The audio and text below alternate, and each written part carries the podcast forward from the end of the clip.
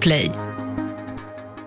Redan nu kan du lyssna på samtliga avsnitt från den här säsongen helt gratis i appen Podplay eller på podplay.se.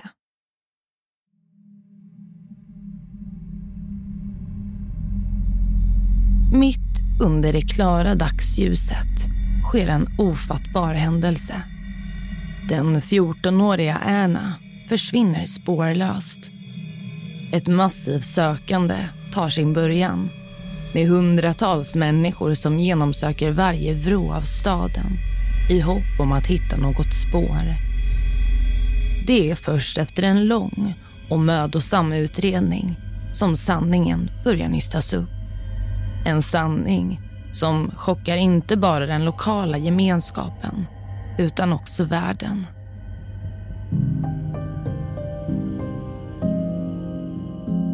Du lyssnar på Jakten på mördaren med mig, Saga Springhorn. Jag vill varna för grovt innehåll i dagens poddavsnitt.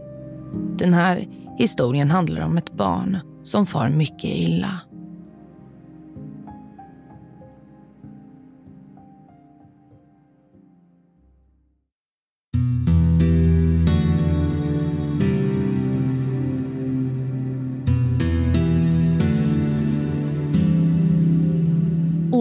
Är 2018.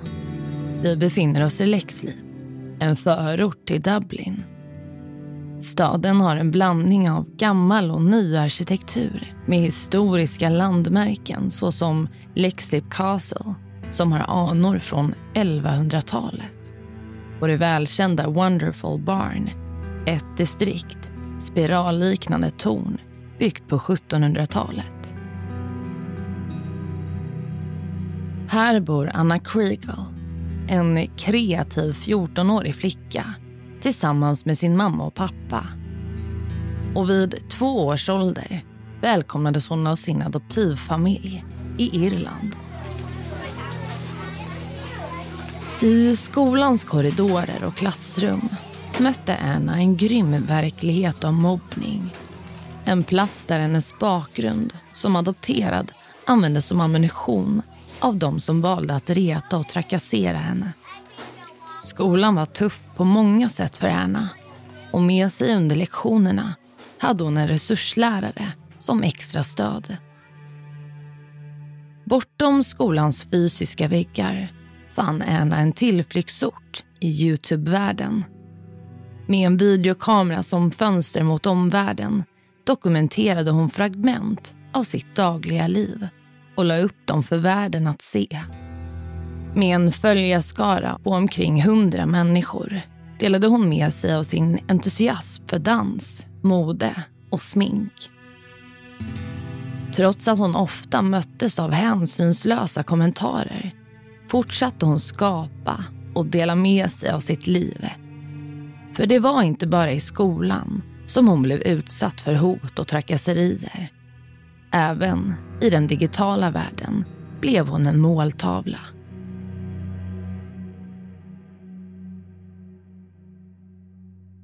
Anna försökte göra allt för att få vänner.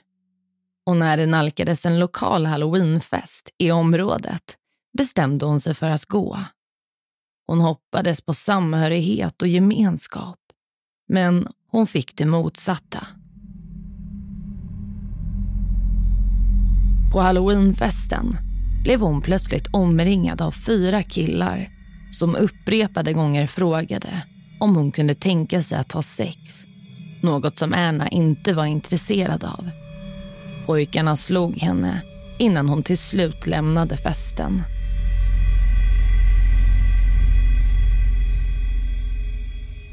När hon närmade sig tonåren upplevde Anna ett tumult av känslor och började självskada. Vilket ledde henne och hennes familj till att söka stöd hos sin hjälporganisation. Den 13 maj år 2018, en söndag, hade Anna planerat att studera för kommande prov med sin mamma.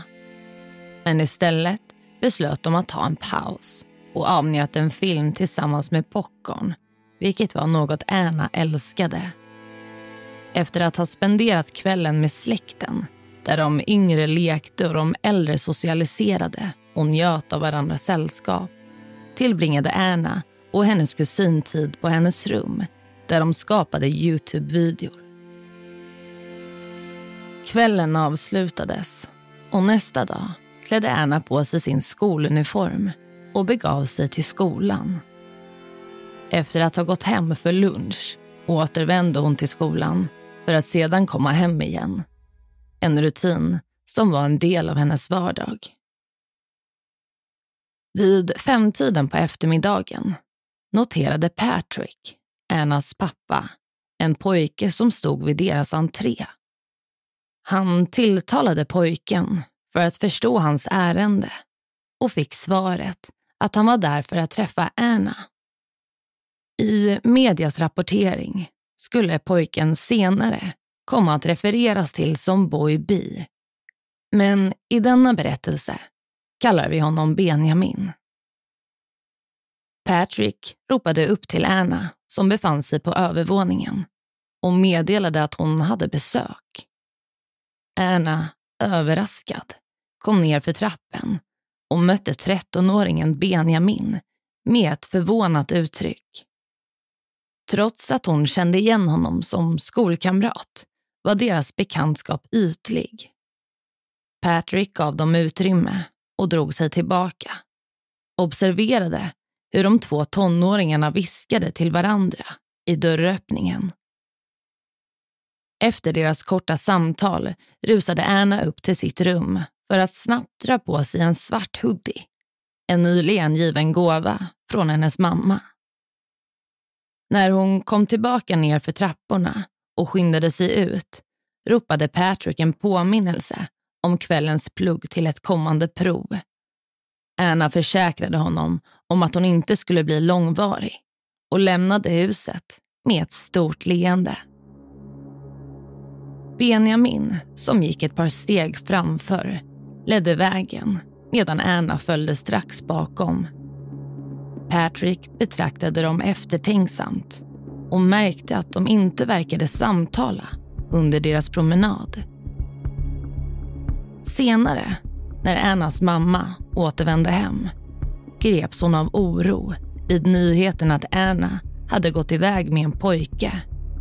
Särskilt eftersom det var ovanligt att någon ringde på deras dörr för att träffa henne.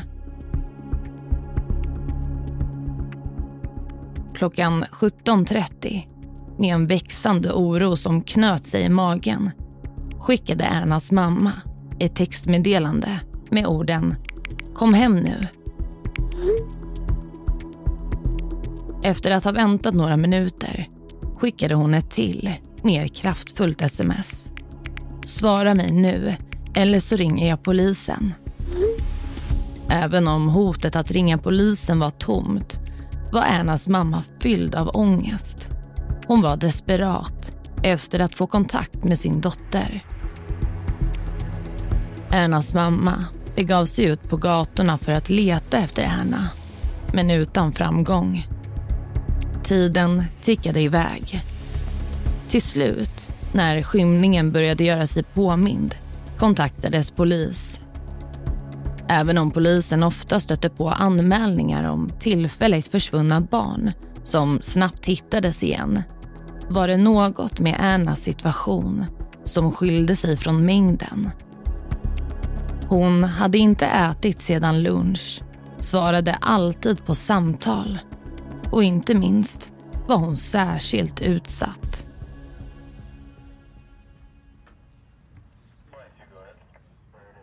Polisen agerade omedelbart med att spåra upp Benjamins adress. Den pojke som stått utanför deras hem och senare gått iväg med Anna. Genom polisens interna system lokaliserades Benjamins bostad och en enhet skickades dit för att få svar.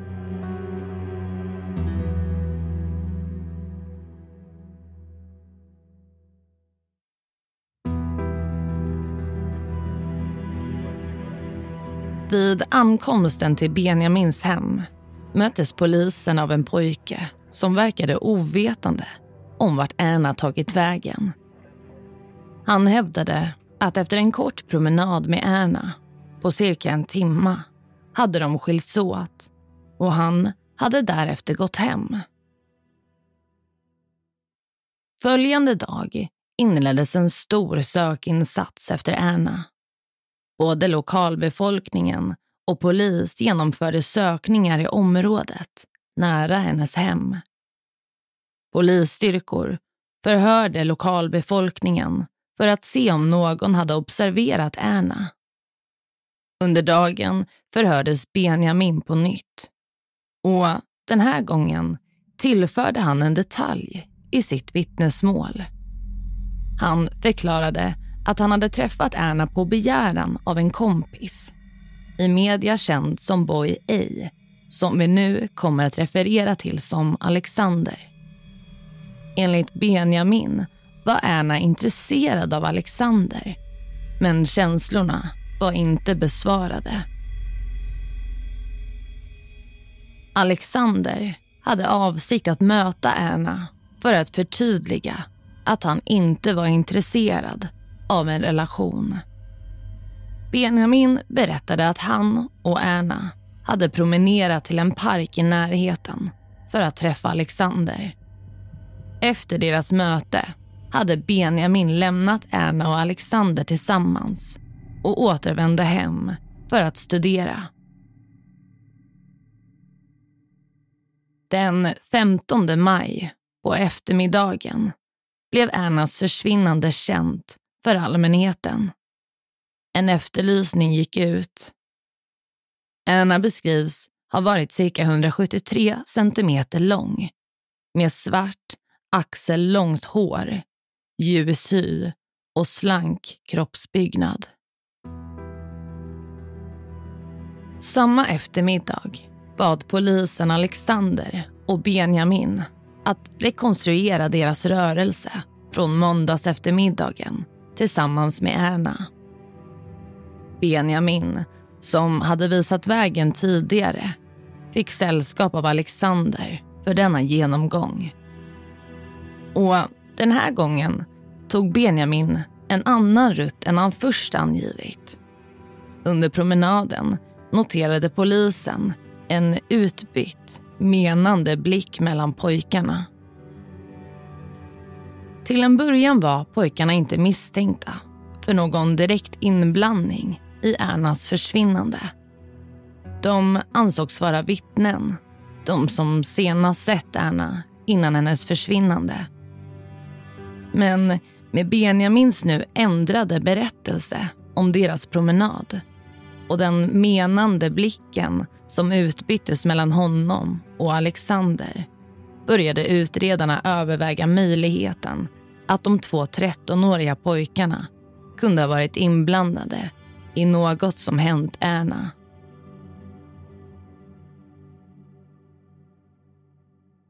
Benjamin och Alexander fördes till polisstationen tillsammans med sina föräldrar. Benjamin fortsatte att avvisa alla anklagelser om inblandning i Annas försvinnande. Och han stod fast vid den berättelse han hade gett sedan måndagen. Att det var Alexander som hade bett honom att hämta Erna.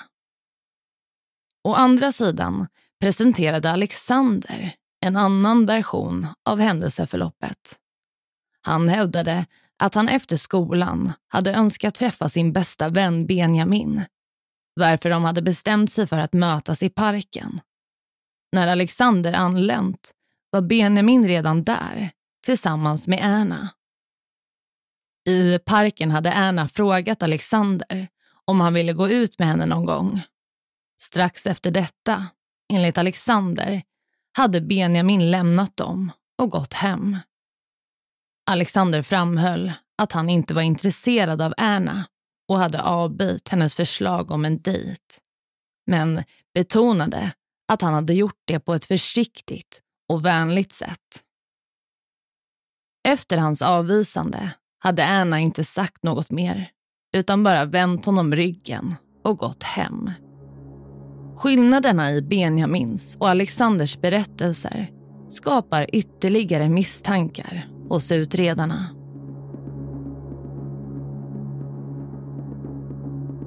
Efter att Alexander lämnades ensam i parken hävdar han att han blev överfallen av två män som misshandlade honom.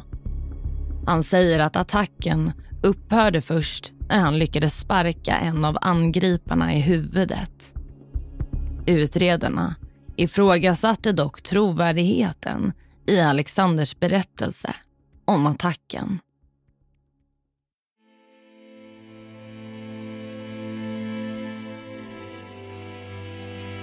Den tragiska upplösningen kom torsdagen den 17 maj 2018 när poliser utforskade en övergiven bondgård belägen en halvtimmes promenad från Ernas bostad. Denna förfallna bondgård hade länge varit en samlingsplats för ungdomar i området. När poliserna beträdde byggnaden möttes de av lukten av blod. I ett av rummen gjordes den förkrossande upptäckten av Erna som var avliden. Hennes kropp bar enbart svarta strumpor och hennes ansikte var dolt av hennes mörka hår. Vid en noggrann undersökning observerades tejp runt hennes hals och hennes fingrar var placerade under tejpen vilket antydde ett desperat försök att fria sig. Scenen där Erna hittades var starkt störande med blodspår på väggarna och golvet. I närheten av gården upptäcktes en blodig pinne och ett cementblock som misstänktes ha använts i det brutala överfallet. I samma rum där Erna hittades påträffades även hennes kläder samt hennes förstörda iPhone vilket antydde på en våldsam kamp och en grym handling. Ja, 14-åriga Erna hade nu återfunnits avliden. Händelsen övergick omedelbart till en mordutredning med prioriteringen att snabbt säkra bevismaterial på brottsplatsen och identifiera en misstänkt. Obduktionen av Ernas kropp avslöjade att hon utsatts för omkring 50 skador under attacken, inklusive revor, blåmärken och indikationer på trubbigt våld över hela kroppen. Dödsorsaken fastställdes till trubbigt trauma mot hennes huvud och nacke. Ytterligare undersökningar indikerade att Anna hade utsatts för sexuellt våld då det fanns spår av penetration. Utredningen fortsatte med en noggrann genomgång av den övergivna bondgården.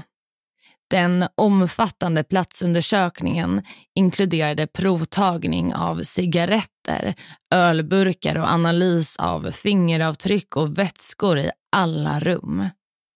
Trots detta minutiösa arbete ledde det initialt inte utredarna närmare en lösning på fallet. Men ett avgörande fynd gjordes. Sperma hittades på Annas topp. Ett bevismaterial som skulle visa sig vara avgörande i jakten på att bringa rättvisa för Anna. Vi kommer att återkomma till detta senare. Som ni kanske minns så har Alexander hävdat att han blivit attackerad av två män under måndagen då Anna försvann. Polisen tar detta på stort allvar och vid denna tidpunkt är varken Alexander eller hans vän Benjamin misstänkta för brott. Men det är avgörande att granska sanningshalten i Alexanders påståenden. Som en del av utredningen har Alexander lämnat in sin mobiltelefon samt de kläder han påstår sig ha burit under måndagen.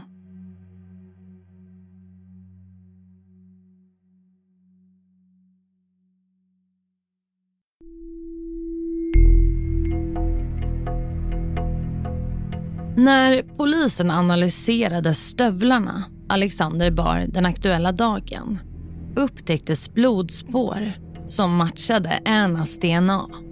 Utredningen tog därmed en ny vändning. I Alexanders mobiltelefon hittade man skärmdumpar från Youtube med spellistor som koncentrerades kring brott och tortyr vilket tyder på hans fascination för makabra ämnen. Spellistorna bar titlar som “De 15 mest brutala tortyrmetoderna i historien” och nämnde figurer som Jeff the Killer, en fiktiv skräckkaraktär.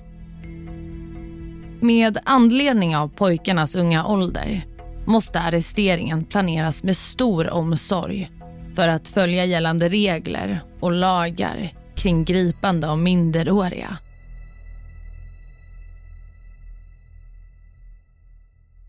Den 23 maj underrättades pojkarnas föräldrar om att deras söner skulle arresteras följande dag.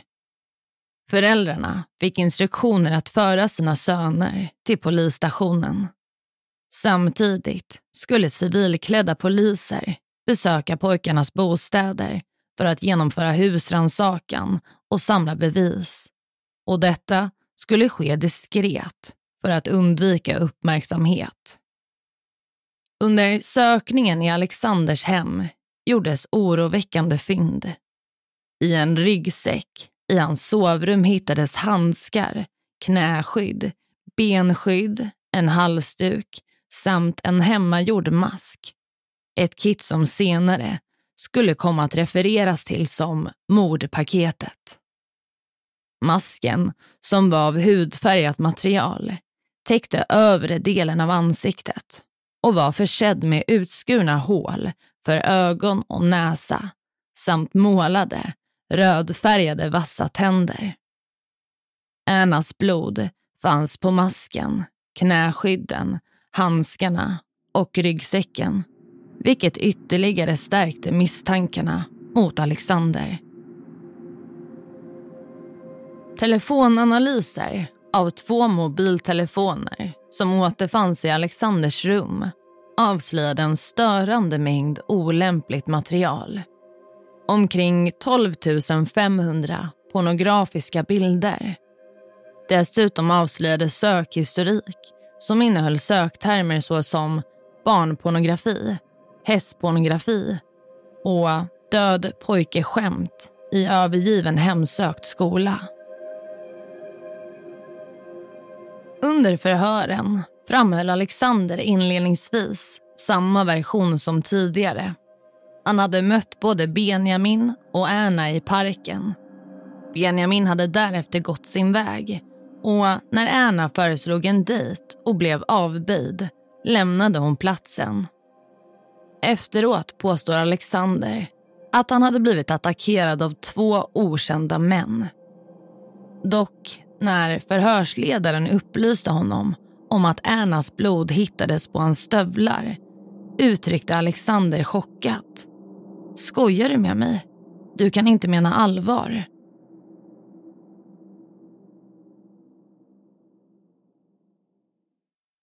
Under förhörets gång började Alexander må illa och en paus var nödvändig.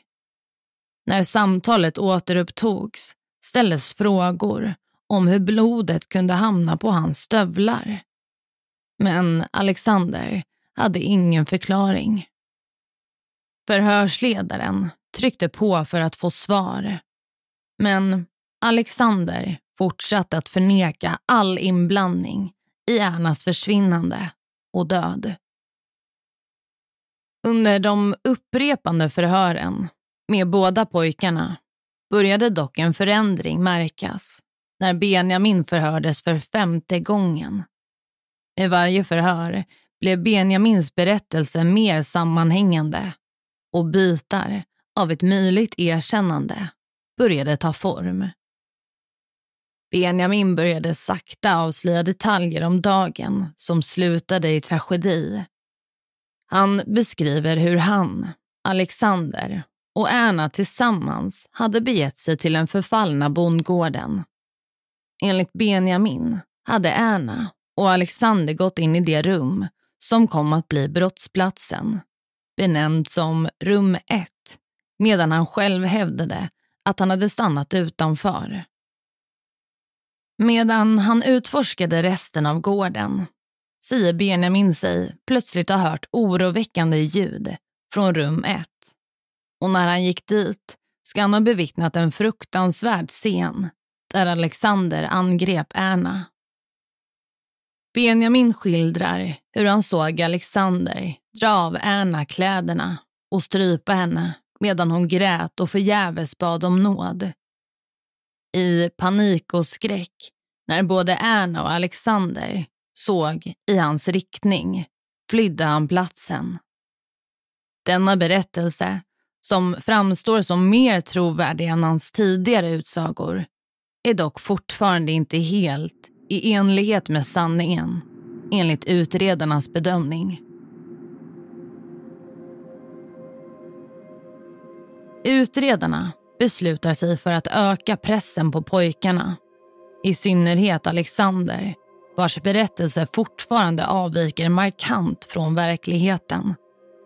Som en del av strategin presenteras Alexander för Benjamins vittnesmål. En redogörelse som ställer Alexander i ett mycket ogynnsamt dager. Alexander fortsätter neka. Han säger att Benjamin ljuger. Ytterligare belastande bevis mot Alexander har inte bara återfunnits i hans hem. Det finns också vittnen. Ett vittne har rapporterat att denne såg Alexander nära det ödsliga bondhuset den dagen Anna försvann. En skolkamrat har också observerat att Alexanders beteende blev allt mer märkligt efter händelsen. Han verkade plågas av oro. Även det DNA i form av sperma som återfanns på Annas topp i rum 1 har bekräftats stämma överens med Alexanders DNA vilket lägger ytterligare en pusselbit i det tragiska fallet. Alexander åtalas för mordet på Erna. När det gäller Benjamin krävs det ytterligare bevis för att åtal ska kunna väckas. Trots detta fortsätter Benjamin att lämna viktiga uppgifter under förhören. Han erkänner att han plockat upp en pinne när han gick in i byggnaden där Erna befann sig tillsammans med Alexander och att han även burit en mask som senare hittades hos Alexander. Benjamin öppnar upp om en konversation han haft med Alexander veckorna innan brottet begicks. Han återger samtalet med följande ord. Alexander. Hej, vill du döda någon? Benjamin. Nej. Alexander. Ja, varför inte? Benjamin. För att det är efterblivet. Alexander. Ah, oh, kom igen.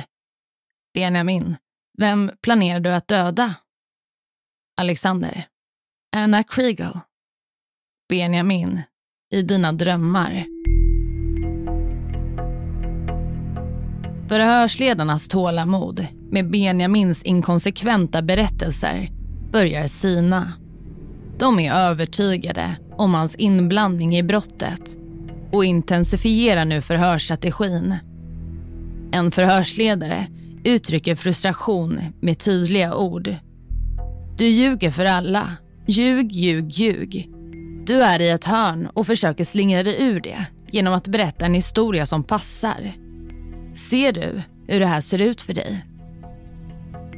Dagar senare blir Benjamin formellt åtalad för inblandning i mordet på Erna. I början av rättsprocessen placeras både Benjamin och Alexander i förvar medan de väntar på rättegången. Efter två månader beviljas Benjamin borgen och får lämna häktet. Följt av Alexander som också beviljas borgen ytterligare två månader senare. Medan de väntar på rättegång är de under strikt övervakning och har inte tillåtelse att återvända till skolan. I enlighet med irländsk lag kan personer från 12 års ålder hållas ansvariga för brott. För mer allvarliga brott som våldtäkt eller mord sänks denna gräns till 10 år. Benjamin och Alexander var båda 13 år när de åtalades för mordet på Anna. Alexander och Benjamin är skyddade enligt irländsk lagstiftning och mediernas riktlinjer på grund av deras ålder vid tiden för brottet och under rättsprocessen. Av denna anledning är de kända i offentliga sammanhang som pojke A och pojke B. Skyddet av deras identitet är avsett att bevara deras barnrättigheter och för att minimera framtida negativa konsekvenser för deras liv. Detta skydd förhindrar att deras namn, bilder och andra identifierande uppgifter blir offentliga. Belastningen av bevis mot Alexander var överväldigande medan Benjamin inte hade konkreta fysiska bevis som direkt kopplade honom till brottsplatsen. Istället var det hans egna utsagor och de pusselbitar han levererat som utgjorde kärnan i bevisningen mot honom. En psykolog anlitad av försvaret granskade Benjamins förhör, inspelat på video och konstaterade att han led av PTSD efter att ha bevittnat övergreppet på Erna. Rättegången inleddes och Ernas föräldrar närvarade varje dag.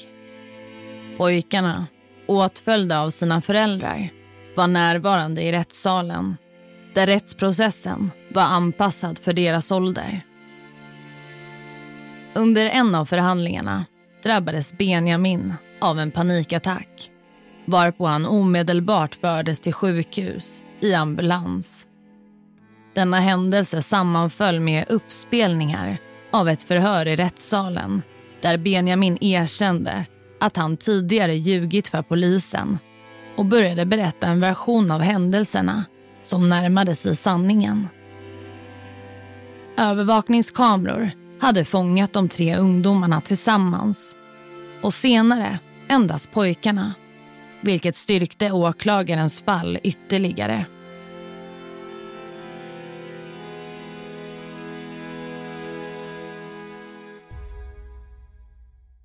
Alexanders försvarare försökte ifrågasätta legitimiteten av de tekniska bevis som kopplade honom till brottet.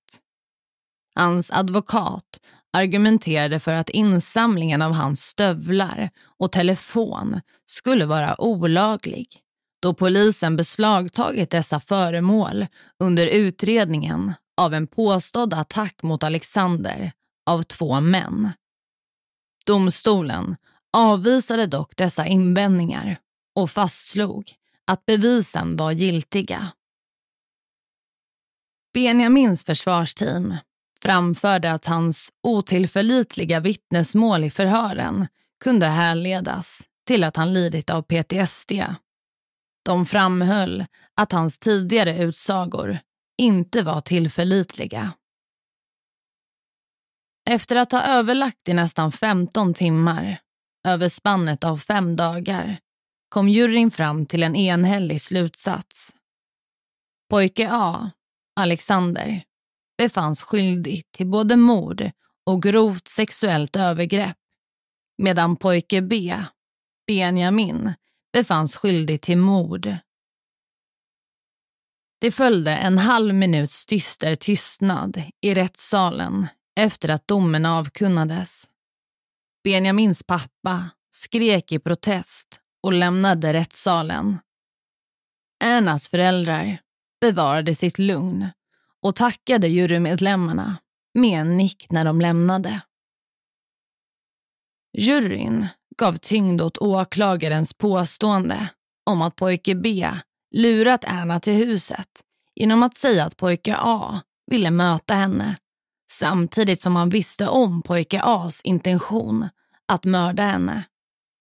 Pojke A klädd i svart med en skrämmande mask och skyddsutrustning, begick det sexuella övergreppet efter att ha slagit henne upprepade gånger med ett stort block och en träbit.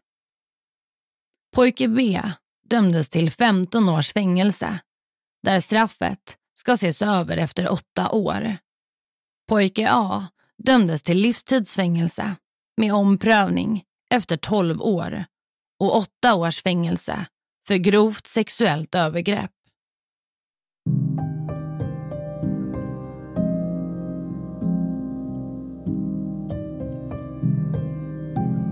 Du har lyssnat på Fallet med Anna Kriegel. Klippare och ljudläggare är Mats Liljenberg. Ansvarig utgivare Henrik Funke. Och mitt namn är Saga Springhorn. Tack för att du har lyssnat på dagens avsnitt.